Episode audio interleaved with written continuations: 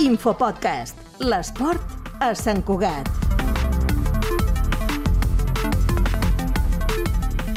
Avui en aquest Infopodcast volem conèixer un esport minoritari, és l'escacs. I a Sant Cugat quina tradició té?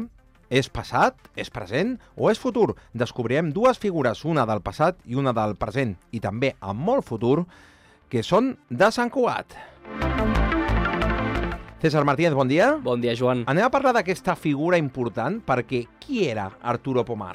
Doncs és considerat per molts el millor escaquista de tota Espanya.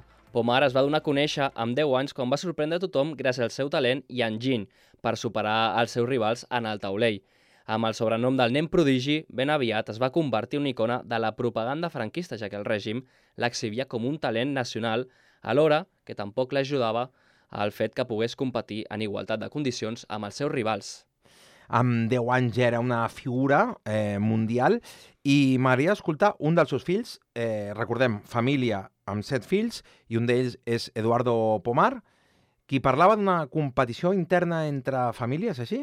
Doncs sí, perquè de fet, eh, tot i tenir el pare un dels millors escaquistes espanyols, ell no li va ensenyar als seus fills a jugar als escacs, va ser una altra persona. I el meu germà gran va anar ensenyant als diferents germans, perquè som, érem set germans. Llavors, el que fèiem nosaltres era fer competició entre els germans. Això és el que succeïa a la família Pomar i eh, després l'Arturo doncs, va ser conegut i reconegut en el món dels escacs, eh, però l'homenatge pendent encara no s'ha fet. Aquí a Sant Cugat sí, però fora d'aquí no. A Sant Cugat se li va fer homenatges a, co- coincidint a l'Esport en Marxa el 2008, a Nostra Casa, que li va fer un homenatge a tota la seva trajectòria, però el seu fill el que reclama encara és un homenatge de la federació, una federació que, com bé dèiem al principi, no l'acabava d'ajudar en la seva etapa de jugador d'escacs eh, anys enrere. Eduardo Pomar, escoltem, reclama homenatge de la Federació Catalana i també de la Federació Espanyola. Pendent, per part de la Federació Espanyola, un homenatge com cal, perquè bueno, diu que es, diuen que es va fer a l'Olimpiada que es va fer a Mallorca, a Calvià, però jo crec que això no, no és suficient, que, que la Federació Catalana i la Federació Espanyola haurien de fer un, un, un homenatge a, a la figura que va ser com impulsor dels escacs a, a Catalunya i a, i a l'estat espanyol.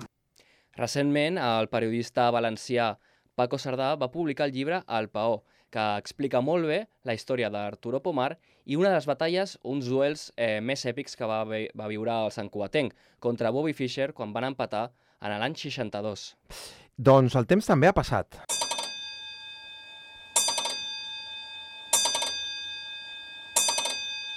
Doncs ha passat i des de la mort d'Arturo Pomar podem dir que ja té relleu, i en aquest cas un relleu femení.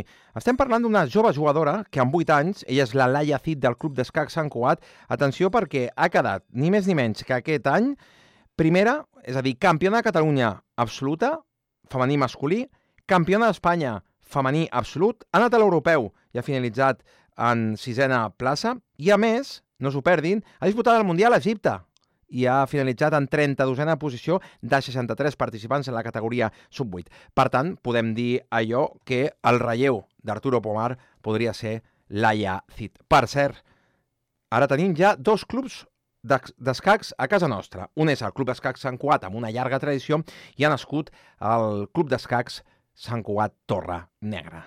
Sens dubte, el món de l'escacs continua pujant i molt a la nostra ciutat. César Martínez, gràcies per participar. Gràcies a tu, Joan, com sempre. I el món de l'escacs que continua movent peces sobre qualsevol taula i gaudint d'aquest esport a casa nostra. Infopodcast, coproducció de Ràdio Sant Cugat i de la xarxa.